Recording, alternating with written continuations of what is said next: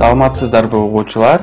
Бул эки дарыгер аттуу медициналык аудио подкаст. Анын алып баруучусу мен эрмек исмаилов жана кесиптешим бегимай жетимишева. Саламатсызбы бегимай? Саламатсыздарбы саламатсыздарбы биздин угуучулар. Ден соолуктарыңыз кандай? Карантин убагы кандай өткөрүп жатасыз шүгүр кичине продуктивный өтсүн деп аракет кылып атам. Ишибиз биздики дистанционный деп которду баардык жумуштарды. Менин жумушум дагы ошондой болуп атат сабактарыңызды онлайн аркылуу берип аткан турбайсызбы анда э? Ооба zoom аркылуу биз студенттерибизге сабак берип атабыз. Күйүнүп атабыз ошол программага. Бүгүн биз бегимай экөөбүздүн э, аудио подкастыбыз э, коронавирус илдети боюнча Э, жыйынтыкты чыгаруу эртерээк болсо дагы бирок эртеңден баштап э, кээ бирки ишканаларга э, иштегенге макулдугун берип жатышат. Анан ойлор пикирлер боюнча биз бегимай экөөбүз бүгүн сүйлөшөлүк деп чечтик. Менин биринчи суроом бегимайга карантиндин мөөнөтү аяктап бара жатат. Оюңузча бегимай илдетти токтотуу боюнча биздин мамлекет жетишерлүү түрдө аракет жасадыбы жасаган жокпу кичине? Өзүңүздүн оюңузду айтып кетесизби менимче жакшы эле аракет кылышты. Себеби дегенде салыштырып айтсак карантин деп бизге жарыялады туурабы кайсыл э, сааттагы саат сегизден эртең мененки сегизге чейин уруксат деп. Режимди биздин элибиз жакшы туура колдонушту укту мамлекет тарабынан берилген указ деп коелу ошого э, баш ийип тартиптүү болушуп биздин элдерибиз ошого мен азамат деп айтат элем. Бул биринчи экинчиси башка чет мамлекеттерден келгендерге обсервация кылды. Ал дагы бул экинчи аракети болду. Мамлекет тарабынан бул дагы жакшы жыйынтыгы жакшы болду деп ойлоймун. Эми ошого карабастан бул оору албетте болду бизде болуп жатат тилекке каршы азыркы убакта менин оюмча көбүнчө дарыгерлерден чыгып атат. Эмне үчүн? Себеби дегенде эң башында бул илдет башталганда биздин бир коллегабыз айткандай бул э, согушка куралданбай биздин дарыгерлерибиз чыкты. Ошол себеп болду деп ойлоймун негизги формалар мисалы үчүн э бул вируска каршы атайын формаларды кийиш керек. Ошол бизде жок болуп калды биринчи убактарда. Э, себеби дегенде обсервацияда болгон иштеген дарыгерлердин э, кантип иштегендерин мен байкап турдум. Өзүм э, өз көзүм менен көрдүм биринчи жумада ошондой эч кандай формасы жок. Жөн эле маска анан кийин шепчиктерди кийип алып эле перчаткаларды тагынып алып эле халатчан ооруларды аралап жүрүштү. Менимче ошол кичине зыян алып келди окшойт э, дарыгерлерибизге тилекке каршы. Негизинен э, эгер жыйынтыктап айтсак аракет болду. Элдерибиз дагы акылдуу болуп сөздү укту себеби дегенде башка мамлекеттер менен салыштырсак мисалы үчүн менин көптөгөн коллегаларым бар чоң чоң шаарлардан.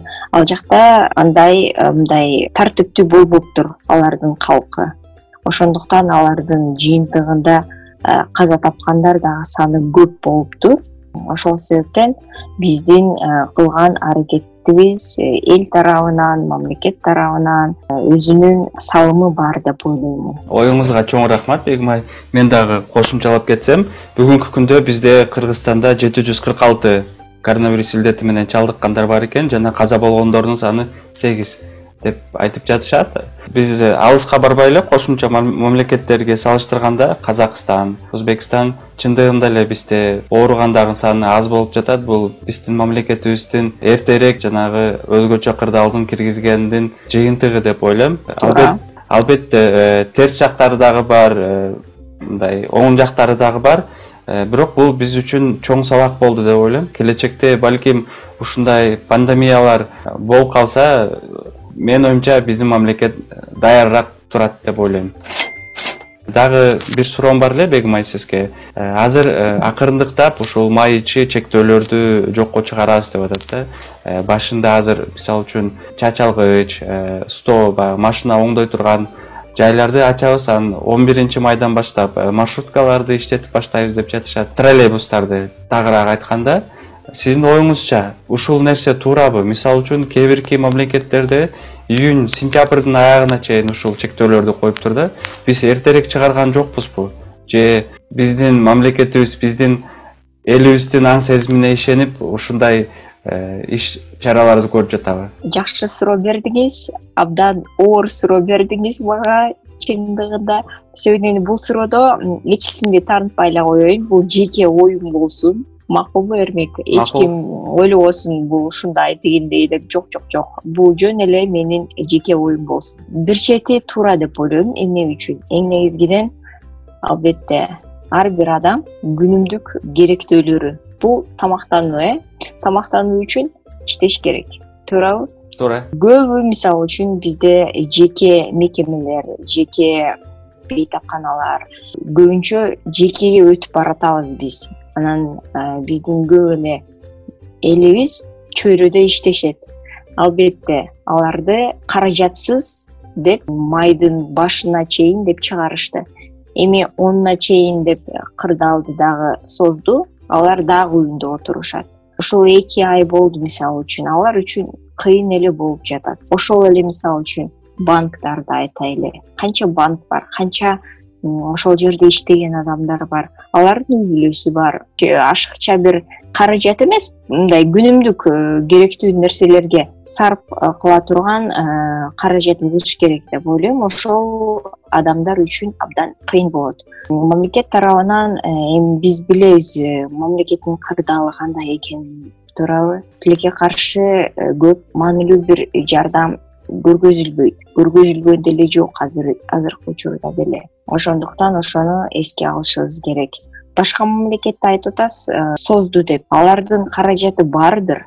Ошол элди кармап ар бир элди кармаганга кудурети жетептир алар эми э, ошол ошондой аракетти кылышат кылса дагы жарашат да. Бизге кичине элдердин укуктары кысылып калды. Менимче биз майдын аягында эми мурдагы күндөрүбүзгө келишибиз бул зарыл деп ойлойм. Мен дагы жеке пикиримди айтып кетсем бул тууралуу бир жагынан сиз айткандай эле айла жоктун чарасы болуп атат. Себеби майдын акырына чейин бул өзгөчө кырдаалды узартып койгондо анда биздин элибиз э, кааласа деле каалабаса деле сыртка чыгып иштөөгө мажбур болушат эле. Себеби азыр мен мисалы үчүн сырткы магазинге чыксам деле адамдар көп абдан көп да азыркы учурда мыйзамга кулак салбай эле баягы мажбур чыгып жатканын көрсөтүп турат. Баса бүгүн мен эшикке чыгып көрдүм. Байкадым да менин байкашым боюнча. Машиналардын саны көбөйүп калыптыр элдер дагы мурдагы жашоого акырын акырын келе башташыптыр. Баары эле маска кийет кийиптир деп айта албайм анткени кээ бирөө маскачан кээ бирөө маскасыз машиналардын саны таксилер жолго чыгып калышыптыр. Анан ойлоп койдум шаарыбыз анда эски күндөрүбүзгө келип атыптыр депчи. Анда кийинки суроону мен берейин сизге эрмек. Элибиз бул э, карантинде кандай жыйынтык чыгаруусу шарт деп ойлойсуз? Кантип э, бүткөндөн кийин э, санитардык эрежелерди сактоосу шарт элибиз үчүн. Сурооңузга рахмат бегим ай мен ушул карантин башталганда элибиз баягы э, дарыгерлерди сыйлабай жүргөн турбайбызбы тазалыкты сактабай жүргөн эмес турбайбызбы деп көптөгөн сөздөрдү уктум. Бир жагынан э, бул нерсе кубандырса бирок экинчи жагынан э, менин оюмча бул нерселерди бат эле унутуп калат го деген ойлор келип жатты да. Анан азыр эң башкы жыйынтык чыгара турган бул карантинден. Менин оюмча элибиз биринчи иретте өз ден соолугуна кам көрүүнүн зарылчылыгын көрүш керек. Себеби азыр байкасак э, бул коронавирус илдети көбүнчө жанагы иммунитети төмөн болгон бейтаптарды көбүнчө сынга алды да. Баягы эгер ошол бейтаптын кошумча оорулары болгон болсо аларга бул илдетти э, кабыл алуу жана бул илдетти көтөрүү абдан оор келди деп эсептейм. Экинчи жыйынтык бул менин оюмча элибизге баягы дарыгерлерди жана тазалыкты канчалык э, сактоо жана дарыгерлерди сыйлоо маанилүү экени жөнүндө сыноо болуп алып келди деп ойлойм да. Себеби азыр көптөгөн бейтапканаларды пландуу түрдө жаткан жаткырган ооруканаларды жаап жана убактылуунча кабыл албай турган болду. Ошон ошол учурларда менин оюмча бейтаптар бир топ эле кыйынчылыкка кабылды деп ойлоп жатам да азырчы. Үчүнчү жыйынтык болсо мындан кийин кандай э, өздөрүн алып жүрүү боюнча жыйынтык чыгарышса жакшы болмок? Себеби бейтапканага экөөбүз буга чейин подкасттарыбызда сүйлөшкөнбүз бегимай. Бейтапканага келгенде сөзсүз түрдө бет каап жана бейтаптын жанына барганда сөзсүз түрдө жанагы өбүшүп же кол кармашып учурашпай эле алыстан эле айта турган сөздөрүнү айтып чыккыла деген суранычты дайыма четке кагышчу э, ушул карантинден кийин менин каалоо тилегим бар эле жана үмүт кылат элем э, ошол азыркы эрежелерди мындан ары да сактап калса. Себеби Э, бир гана коронавирус илдети эмес жана башка оорулар ошол иммунитети төмөн бейтаптарга жугушу мүмкүн. Эгер ошону сактап калышса менимче бул абдан жакшы жыйынтык болмок. Жанагы сиздин акыркы сурооңуз боюнча карантин бүткөндөн кийин санитардык эрежелерди сакталуусу шартпы албетте шарт. Бул бир гана бейтапканада эмес. Менин оюмча маршруткага түшөбү чоң баягы магазиндерге барышабы сөзсүз түрдө оору толук жоюла элек учурда жанагы антисептик растворлорду алып жүргөн туура го деп эсептейм. Менимче эл үчүн жакшы сыноо болду. Ошонун баарын э, биз кандай кыймыл аракетти үйрөнсөк менимче ошону сакташат го дейм.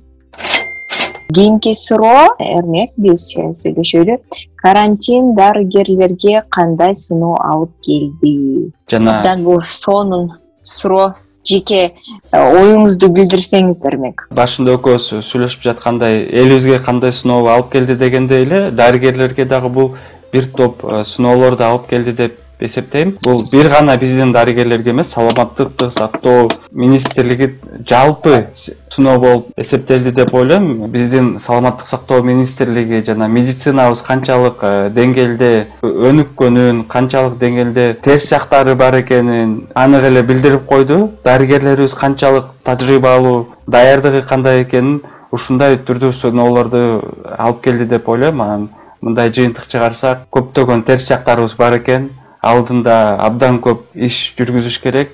Бул бир гана э, жанагы атайын костюмдарды эмес бул дарыгерлердин тажрыйбасын жогорулатуу боюнча вирусологдордун саны аз болгону анын мындан ары ошол вирусологдорду көбөйтүү саны боюнча менин оюмча саламаттык сактоо министрлиги тарабынан жыйынтыктар чыгарылыш керек. Эпидемиолог жугуштуу оорулар боюнча дарыгерлер бизде аз экени мындай ачык эле билинип калды бул сыр деп ойлобойм. Жана жабдыктар боюнча жанагы искусственный вентиляция легких деп орусчасы айтылгандай ошол жабдыктарыбыз аз экен мындан ары аны дагы толуктаганга иш аракет жүргүзүшөт деп ойлойм. Дагы бир жеке оюм бул толук түрдө биздин саламаттык сактоо министрлиги реформага муктаж экени билинип калды деп ойлойм да. Сиз бегим айы сиздин оюңуз кандай? Бул э, баягы орустардын сөзү бар го. Все что не делается все к лучшему да. Демек бул илдет келди ызы чуу салды дүйнөгө э. Ооба. Ошол жерде биздин көзүбүз ачыла түштү го дейм. Себеби дегенде элдин да көзү ачылды бийликтин да көзү ачылды. Элдин көзү ачылган жөнүн айтсам алар өзүбүз байкагандай мисалы кичине дарыгерлер үчүн болгон сый урмат жоголуп бараткан. Бул күндөрү мисалы үчүн жалгыз дарыгерлер ошол адамдардын өмүрлөрү үчүн күрөшүп өзүнүн ден соолугун өзүнүн мындай коопсуздугун ойлошкон жок да көбүн элечи. Анан кийин ошо адамдарга жардам берейин деп алар чоң аракеттерди кылды жыйынтыгында өздөрү дагы ошол ооруга чалдыгышты. Менимче бул чоң көрүнүш жакшы көрүнүш. Эл дагы кичине аны көрсүн кичине болсо да биздин дарыгерлерибизди кичине урмат сыйга батсын деп айтат элем. Эми өзүңүз эле айттыңыз башка биздин бийликтерибизге биздин баардык деги эле системабызга чоң жаракат алып келди.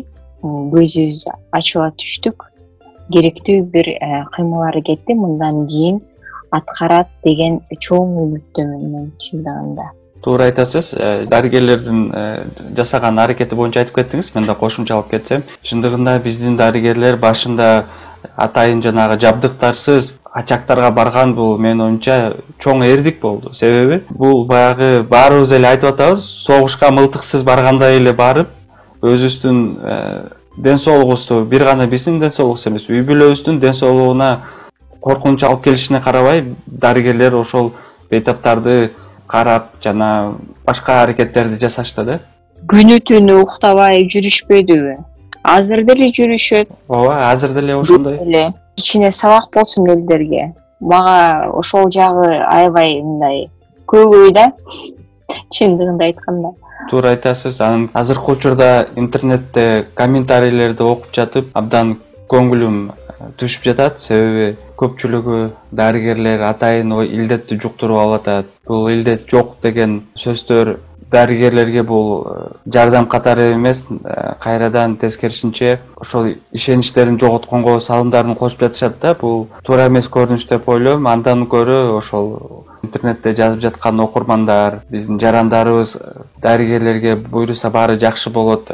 Силердин жардамыңар менен илдеттен э, кутулабыз. Ошон үчүн биз силер үчүн үйдө олтурабыз үй бүлөбүз үчүн үйдө олтурабыз деп комментарийлерди жазса менимче ошол жерде иштеп жаткан дарыгерлердин бир топ маанайы көтөрүлмөк туурабы бегим айым албетте албетте поддержка болсун да. Эл жагынан бирок баары эле антип жазган жок. Дарыгерлерге рахмат айтып таазим этип аткандары дагы бар. Беш кол тең эмес да негизинен. Ошого таарынбай эле койсок деле болот эми. Туура айтасыз анан ушул маегибиздин акырында көпчүлүктү кызыктырып жаткан суроо менен экөөбүз жыйынтык чыгарып кетсек коронавирус илдети качан аяктайт? Же ушул илдет биз менен калабы деген суроого оюңузду кандай айтып кетесиз? Бул э, дүйнөнүн баарына чоң бир суроо болуп турат. Азыркы заманда күнүгө жаңылыктар пландар кичине өзгөрүлүп күндөн күнгө өзгөрүп атат. Эртеңки күнү эмне болот деп айтыш абдан зор. Эми эң аягы бул илдетти жеңүү үчүн э, бир гана жыйынтыгы болот. Бул э, же дары табуу бул үчүн же э, вакцина болобу. Эмнеси болсо да биз жооп табышыбыз керек кантип дарылайбыз. Өзүнүн алгоритмин тапсак бул биздин жеңишибиз болот албетте. Себеби дегенде азыр чындыгында биз э, эч билбей жатабыз бул э, оору негизинен эмне үчүн э, кантип өзүн алып барат чындыгында билбей жатабыз да эми симптомдорду карап эле дарылап жатабыз. Ошондуктан ар бир ооруну жеңүү үчүн биз себебин билишибиз керек жана ошого каршы кыймыл аракет жасашыбыз керек. Сиз кандай деп ойлойсуздерми оюңуз туура бегим айым мен элдин көз карашы боюнча айтып кетсем кээ бирки э, тааныштарым карантин бүтсө эле илдет менен күрөшүп бүттүк деген жыйынтыктарды чыгарып жатышат да. Бул айтып кетет элем эң туура эмес көз караш себеби бул илдет азырынча бизден кете элек жана дүйнө жүзү боюнча бул илдет менен күрөшүү уланып жатат. Карантин бүткөндөн кийин э, көңүлдү бош коюп кайра эле эрежелерди сактабай ошол боюнча жүргөн болсо бул илдетке жуктуруп алуу коркунучу абдан чоң көрсөткүч болот. Ошон үчүн сиз айткандай эле азырынча вакцинасын тапмайынча бул илдет биз менен болот. Вакцинаны азыркы окумуштуулар айтып жатат. Жок дегенде бир жыл же эки жылга чейин созулушу мүмкүн деп. Ошондуктан ар бир жараныбыз азыр өзүнүн социалдык жоопкерчилигин алып бүткүл э, дүйнөлүк саламаттык сактоо уюму кеңеш бергендей кыймыл аракеттерди жасаса бул ооруну өрчүп кетпешине чоң салым кошушат жана жанындагы туугандарыны ден соолуктарына кам көрүшөт деп эсептейм. Туура бирок айтып кетүүчү нерсе дүйнөнүн окумуштуулары аракет кылып атат албетте. Кечээ жакында эле көргөзүп аткан. Россия аракеттери бар экен бирок азырынча ошо ошо э, табуу жолунда экен. Германия мисалы үчүн чоң аракет кылып атат. Менимче американын дагы окумуштуулары өзүнүн аракеттерин кылып атса керек. Бирок азырынча ачыкка чыгара элек өздөрүнүн иш аракетин. Менимче эми жарым жыл бир жыл э, убакыттын арасында эми табылып калат деген үмүт албетте биз тарабынан кечээ жакында эле жаңылыктардан көрдүм.